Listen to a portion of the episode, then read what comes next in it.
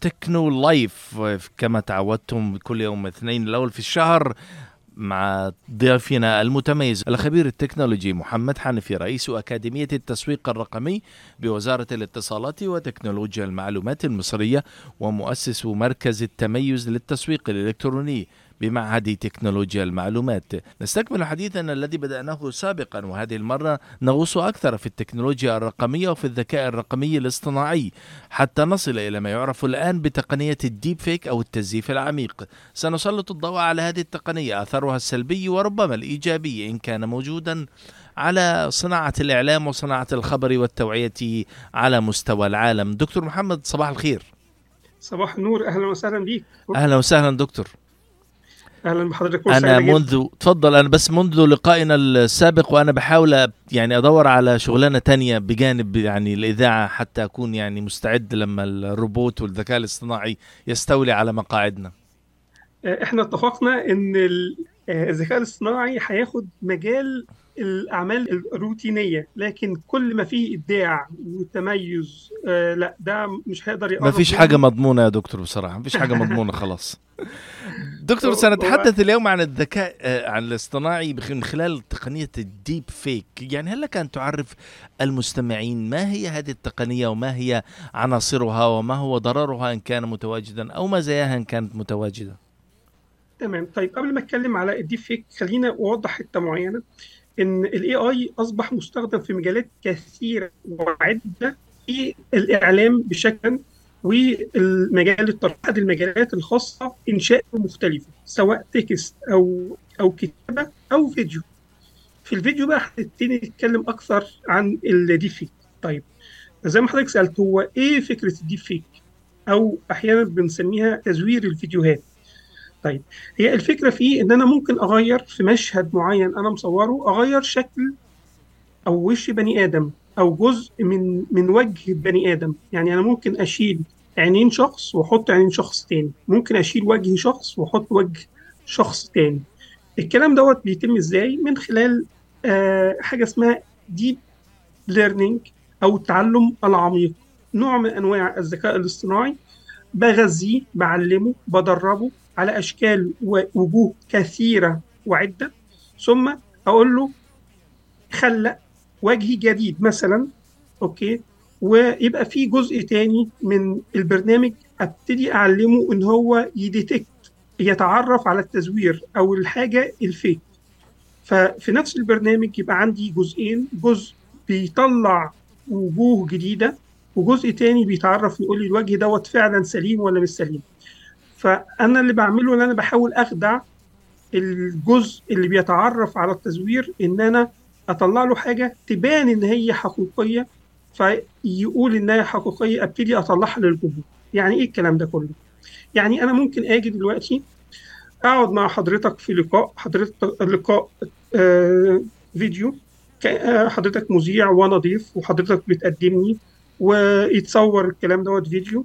ثم حضرتك أو الفريق التقني يبتدي يشيل وجهي ويحط وجه شخص آخر عندنا المعلومات بتاعت وجهه. ممكن يكون ممثل مشهور ممكن يكون آه سياسي ممكن يكون مغني اي ايا كان. والبرنامج بعد ما أديله ال- الوجه يبتدي البرنامج الذكاء الصناعي يحاول يصطنع وجه جديد ليا بالمعلومات اللي اتعلمها من الشخص اللي أنا عايز أنتحل شخصيته. فأنا مثلا نتخيل أنا عايز حضرتك تعمل حاليا في الوقت الحالي لقاء مع عمر الشريف. فحضرتك هتستضيفني؟ هنصور الفيديو عادي خالص. ثم على الجانب الآخر أجيب مجموعة فيديوهات عدة لوجه آه عمر الشريف وابتدي أغذيها لبرنامج الذكاء الاصطناعي. الذكاء الاصطناعي هيعرف التعبيرات المختلفة لعمر الشريف آه بيتكلم إزاي بينطق إزاي آه آه حركات وجهه بتبقى إزاي في كل حاجة من الحاجات ديت. ثم البرنامج هيبتدي يشيل وجهي ويحط مكانه وجه عمر الشريف وهيبتدي يحط أكتر من وجه باكتر من تعبير بأكتر من شكل ولكن تقنية الذكاء الاصطناعي هيبقى فيها جزء تتعرف على الحاجات اللي مش طبيعية الفيك اللي أنا علمتها لها تمام؟ فهيبتدي في النهاية يطلع فيديو يكاد يكون حقيقي تمام؟ آه نفس القصة بعملها مع الصوت فهتطلع الأصوات أو النبرات بصوت عمر الشريف. نفس القصة أنا ببتدي أعلمه على أصوات عمر الشريف المختلفة okay؟ بحيث لم أطلع منها حاجة اسمها features المميزات المعالم الأساسية اللي بتميز أصوات عمر الشريف فأبتدي أحول أي صوت آخر يبان كأنه صوت عمر الشريف. تمام؟ بتلك التقنية طبعا أقدر أصور أي فيديو مع أي حد حتى لو كان توفاه الله. في فيديوهات كثيرة موجودة على آه، شبكة اليوتيوب لسياسيين كبار زي أوباما زي ترامب okay لممثلين زي توم كروز. في له قناة آه، مزيفة. لو حضرتك اتفرجت عليها هتقول لأ ده ده أكيد توم كروز. لكن هي في الحقيقة مش هو. وأصبحت مستخدمة في مجالات عدة أو بشكل كبير. ليه بقى؟ لأن هذه التقنية أصبح لها أدوات سهلة الاستخدام حتى لو حد بيبدأ في مجال الذكاء الاصطناعي مجرد بس إن هو بيعرف زي ما بنقول يفك الخط يعرف يتعامل مع البرامج الأساسية والبسيطة في الذكاء الاصطناعي يعرف يستخدم ال deep fake فبقت دي دي كارثة. آه وأصبح في بعض الخدمات الموجودة على الإنترنت يعني أنا ممكن أبعت فيديو okay لشخص متمرس أو لقناة متمرسة وادي لها صورة شخص آخر أقول له غير وجه الشخص اللي موجود بالفيديو هنا بالوجه اللي موجود في الصورة. تمام؟ فينتج لي فيديو ببساطة okay؟ آه للفيديو دوت. طبعا ده الجانب الإيجابي.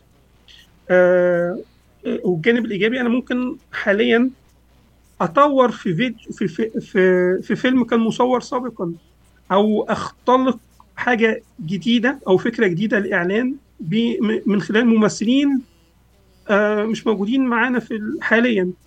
تمام؟ آه فالإبداع في هذا المجال ملوش حدود. طب دكتور عفوا للمقاطعة ولكن يعني ورد سؤال من سعيد أبو الراز من ديربورن يسأل فيه يقول ما هو الفارق بين ال deep fake وال hologram؟ آه، لا في اختلاف كبير جدا من الاثنين الديب فيك أنا بعمل فيديو زي الفيديوهات اللي حضرتك بتشوفها على اليوتيوب على التلفزيون. فيديو فيديو يبدو إن هو حقيقي ولكن أنا عملت فيه عملية تزوير. غيرت وجه أو جزء من وجه شخص أو بني آدم شلته وحطيت بني آدم تاني خالص. تمام؟ آه زي ما كنت بقول حضرتك عامل معايا لقاء صحفي آه متلفز مصور. حضرتك ممكن تشيلني تماما وتحط مكاني أي ممثل آخر. تمام؟ أو العكس إن أنا أجيب ممثل شكله شبه آه أوباما مثلا وحضرتك تعمل معاه لقاء بعد كده أشيل وجه آه الممثل دوت أو الموديل دوت أحط مكانه وجه أوباما. ده ال deep fake. الهولوجرام أنا في الفراغ اللي أنا موجود حاليا فيه في الأوضة أو في المسرح أو في قاعة المحاضرات اللي أنا موجود فيها ممكن بالاضاءه أعمل شكل ثلاثي الأبعاد لممثل آه، آه، أو لشخص موجود تمام؟ دي تقنية ودي تقنية مختلفة خالص. آه، الثانية ديت أنا ممكن زي مثلا لما تم في مصر إن هو اتعمل حفلة لام كلثوم بهذه التقنية. يعني كأن بقت موجودة قصادي بس 3 دي وواقفه بتمثل موجودة على المسرح لكن في الحقيقة هي مش موجودة. هو مجموعة خيالات موجودة أوكي من خلال الإضاءات الموجودة بنخدع عين الجمهور كأن هنا شخص ثلاثي الأبعاد موجود وبيتحرك لكن مش بيبقى كامل الدقة. مجرد حضرتك بتشوف لا أنت عارف إن دوت مش شخص حقيقي موجود آه، قصادك تمام؟ فده الفرق ما بين الاثنين طيب دكتور هل لها مزايا إيجابية ممكن أن نراها؟ وهل لها سلبيات يجب أن نبتعد عنها؟ هي مع الأسف ليها سلبيات كثيرة جدا لأن آه، أي فيديو حضرتك بتشوفه دلوقتي آه، لازم تقف وتفكر هل فعلا ده ممكن يكون فيديو حقيقي أو مزيف لأن التقنية دي أصبحت بدقة عالية جدا سهل الاستخدام. في خدمات كثيرة على الإنترنت بنطلب منها آه، التزوير في في ال deep web أو الويب العميق إن خدمات غير رسمية بتباع. تمام؟ فأصبحت متاحة وسهلة الاستخدام لها جانب إيجابي طبعا في في الإعلام و آه، وفي ال video production بأشكاله المختلفة بتساعدني إن أنا أبدع وأطلع أفكار جديدة. لكن على الجانب الآخر لها سلبيات عدة. آه، اولا آه، مع الأسف الشديد استخدامات كبيرة لها في ال- مجال ال- ال- البورنو. إن إن ممكن لممثلين مشهورين أزيف آه، أفلام لهم أفلام آه، جنسية لهم ما يكونوش فعلا آه، عملوها. آه، كان في أحد الضحايا لموضوع زي دوت آه، بنت تم تزييف آه، فيديوهات إباحية لها ورفعت قضية وقبضوا فعلا على اللي عمل كده. وأثناء المؤتمر الصحفي ال- الصحافة صورتها بصور أكثر دقة. دوت خلت ناس تانية يستخدموا الصور الأكثر دقة في إنتاج فيديوهات إباحية أخرى. آه، لها وما عرفوش يوصلوا لهم مع الأسف. ففي بعض المواقع بقدر اديلها الفيديو بتعرف تقول لي إذا كان الفيديو دوت حقيقي أو مزيف زي في زي website deepware dot ai أو ده موقع بديله بعض الفيديوهات ولكن التقنية كل يوم بتتقدم أكثر وأكثر طب كيف يمكن صعب الوثوق كيف يمكن الوثوق في هذا الموقع أصلا؟ يعني آه، deepware ai أو آه إلى الآن استخداماتنا له بت بتقول إن هو فعلا بيعرف يميز بنسبه دقه عاليه هو في النهاية مش بيقول لك إذا كان الفيديو دوت مزيف أو غير مزيف. هو بيقول لك دوت حقيقي بنسبة دق بنسبة 90% بنسبة 95% كخ- زي اختبار ال DNA آه، بالظبط بالظبط. فمش هيبقى بشكل قطعي آه، كبير. إحنا لكن بنقدر نقول مثلا لو جاي بيقول إن هو مزيف بنسبة 90% فبيبقى الاحتمال الأرجح إن هو فعلا في- آه، فيديو مزيف. وبيطلع لك الحاجات اللي ممكن تبان أح- قبل كده سابقا كان بالعين المجردة بنعرف إذا كان الفيديو دوت مزيف أو لا. حاليا بقى الموضوع صعب. آه، لأن التقنية كل يوم بتتطور وبنغذيها بمعلومات أكثر. طيب آه، إحنا في احتياطات ممكن نعملها؟ هو في مع الأسف احتياطات لكن مع الأسف بتزعل مننا آه، شبابنا. ان إحنا بنشير عليهم إن هو ما يكسرش من صوره على الإنترنت. فدي ساعات بتضايق ال- الشباب. لكن هي مع الأسف لو حد عايز يأفويد أو يبتعد تماما عن إن حد يزو يزور له فيديو لازم يكون حريص إن ما يكونش فيه صور لوجهه بكواليتي عالية كثيرة موجودة على حتى لا يمكن بناء خوارزمية خاصة بشكل حركات الوجه وبالتالي استخدامها مع تركيب الصوت عليها صحيح؟ بالظبط كده أنا. عايز أقول لحضرتك إن دلوقتي من الصور بس أنا ممكن أزور فيديو فالأفيد إن أنا أحاول أبتعد حتى عن وضع مش صور مش فيديوهات لا صور حتى ليا ب quality عالية على ال... الإنترنت. آه، فده حاجة بتزعل الناس. أول حاجة التانية الوعي بقى المجتمعي. إن أنا لو شفت فيديو ما صدقوش على طول لازم أتأكد. وده جزء تاني فعلا الميديا. يعني إحنا اتكلمنا على استخدام استخدامات الذكاء الاصطناعي في الميديا. أحد الأركان الكبيرة جدا اللي بيستخدم فيها الذكاء الصناعي حاليا اكتشاف المواد المزيفة سواء صوت سواء فيديو سواء text آه فالفيسبوك عامل آه مشروع كبير في هذا الاتجاه. جوجل عاملين مشروع كبير عندهم مختبر ضخم ومخصصين جزء من الشغل الخاص بيه في الديتكشن بتاع التزوير والتزييف والانتحالات والسرقات حتى الأدبية. يعني إن أنا حتى أنا كتبت مقال ممكن أكون سارق أجزاء منه من مقالات تانية ومعدل حاجات بسيطة. فجزء كبير جدا من المبادرات الموجودة حاليا على الإنترنت بتكتشف ده بتحدد دوت. في خلال أنا عايز أقول لحضرتك إن خلال الأربع سنين اللي فاتت في تطور عالي جدا في ال models الخاصة بال AI عايز أقول لحضرتك مثلا سنة 2018 و19 و20 كان كل سنة من السنوات ديت في مبادرتين كبار الشركات الكبيرة بتطرحها وبيشتغلوا فيها. سنة 2021 كان عندنا حوالي 19 مبادرة. آه، 2022 السنة دي إحنا عندنا 40 مبادرة كبيرة جدا بملايين الدولارات بفند يكاد يصل لمليارات آه، الدولارات عشان برامج الذكاء الاصطناعي بأنواعها المختلفة. صحيح صحيح. آه فالموضوع بيتقدم بسرعة عالية جدا. أنا بقول لحضرتك من السنة دي للسنة اللي فاتت السنة دي لسه ما خلصتش كانت عدد المبادرات اللي طلعت فيها ضعف السنة اللي فاتت. الفند الميزانية المشاريع السنة دي أضعاف مضاعفة من ال- السنة اللي فاتت وهكذا. طيب دكتور آه يعني هذا يدفعني إلى سؤال. أين نحن في العالم العربي؟ من هذا الزخم وهذا السباق سواء كان في إنتاج وتقديم تكنولوجيا وبرامج وأدوات زي الديب فيك أو في الوقاية من أثرها السلبي. أين نقف؟ هذا السؤال موجع جدا مع الأسف. خلاص ننهي المكالمة. لو زعل.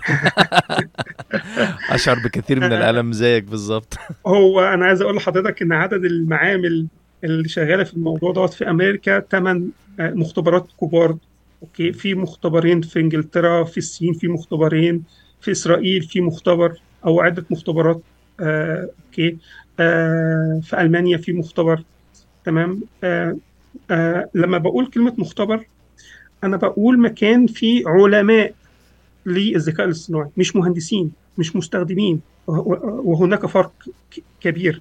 أنا بتكلم على researcher باحثين بقالهم عندهم seniority عالية في هذا المجال آه، لهم contribution okay فكل شركة من الشركات الكبرى زي الفيسبوك وجوجل وكلهم أو IBM وأمازون بيستقطبوا العلماء الكبار جدا وبيديلهم ميزانيات مفتوحة وبيجيبوا آه، علماء آخرين وعندهم عدد كبير من ال- ال- العلماء شغالين في المختبرات بتاعتهم.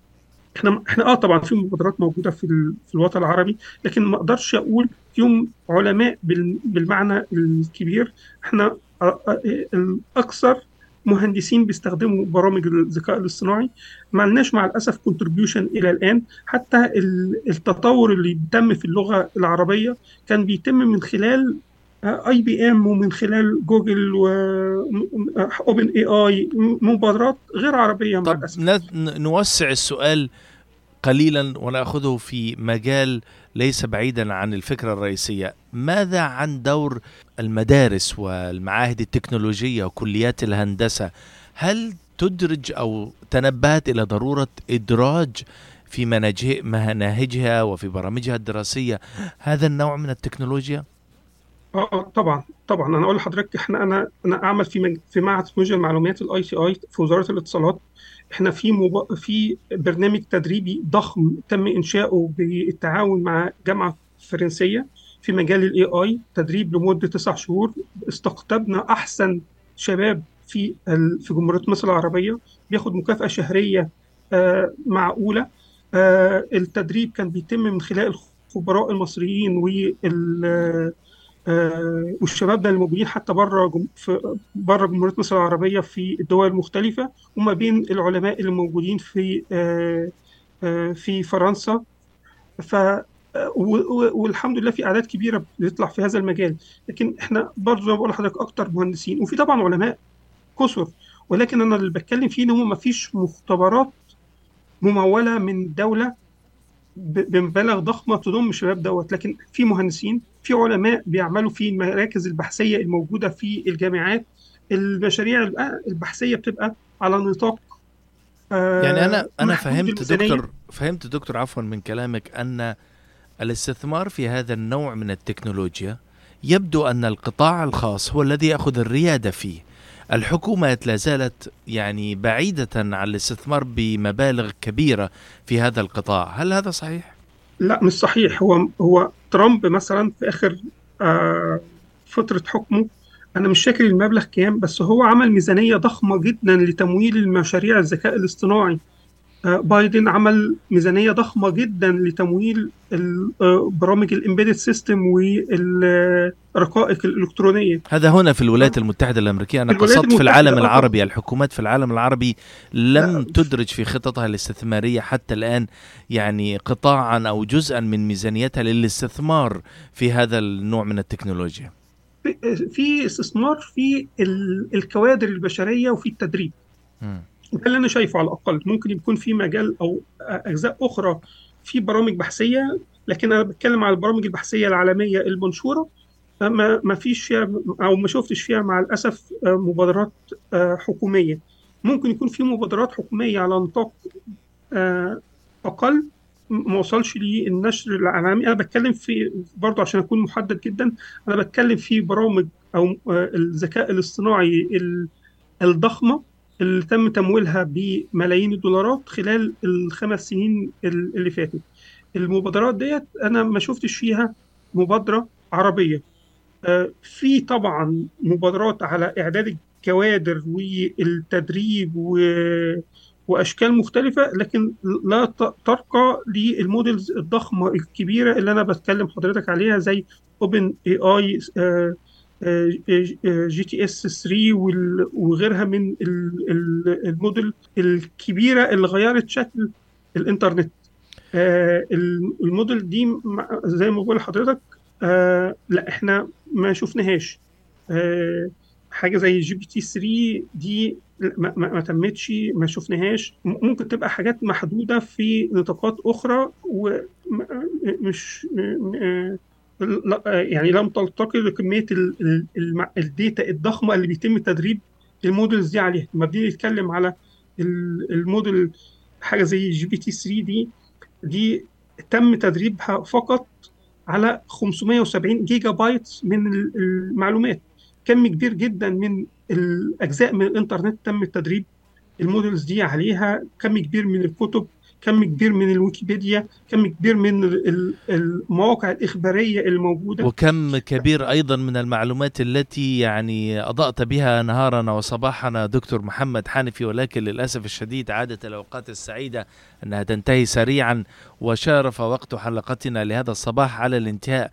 ولكن يعني أكيد على وعد أن نستكمل نقاشاتنا الممتدة في هذا المجال التكنولوجي ونغوص في بحره معك دكتور محمد في حلقة قادمة إن شاء الله في الشهر القادم. تابعونا مستمعينا الأعزاء. دكتور محمد رسالة وتنبيه يعني أخير في 30 ثانية للمستمعين. ماذا بماذا توصيهم؟ المستقبل هو الذكاء الاصطناعي. آه، نوصي ولادنا إن هم يتعلموا اولا لغة برمجة دي لغة المستقبل ثم يبتدي يتعلم لغه الذكاء الصناعي أي صناعة ايا كانت لازم يفكر الذكاء الاصطناعي ممكن يقدم فيها إيه. الذكاء الاصطناعي بيقدم خدمات جليلة في التسويق في ال AI في التعليم في في كل المجالات. فلازم كل شخص في مجاله يبتدي يشوف ال AI هيقدر يمدله إيه ويديله إيه ويبتدي يلحق يطور من نفسه في هذا المجال. شكرا جزيلا دكتور محمد حنفي كنت ضيفنا في حلقتنا لهذا اليوم من Live Tech آه كنا نتمنى أن يطول الوقت أكثر ولكن للأسف الشديد سنستكمل معكم مستمعينا الأعزاء باقي المعلومات المتميزة عن هذا الموضوع في حلقتنا القادمة إن شاء الله في الشهر القادم. تابعونا دائما مع يوسارب ميديا. شكرا جدا جدا. ليك واشوفك مرة تانيه إن شاء الله. شكرا دكتور. شكرا.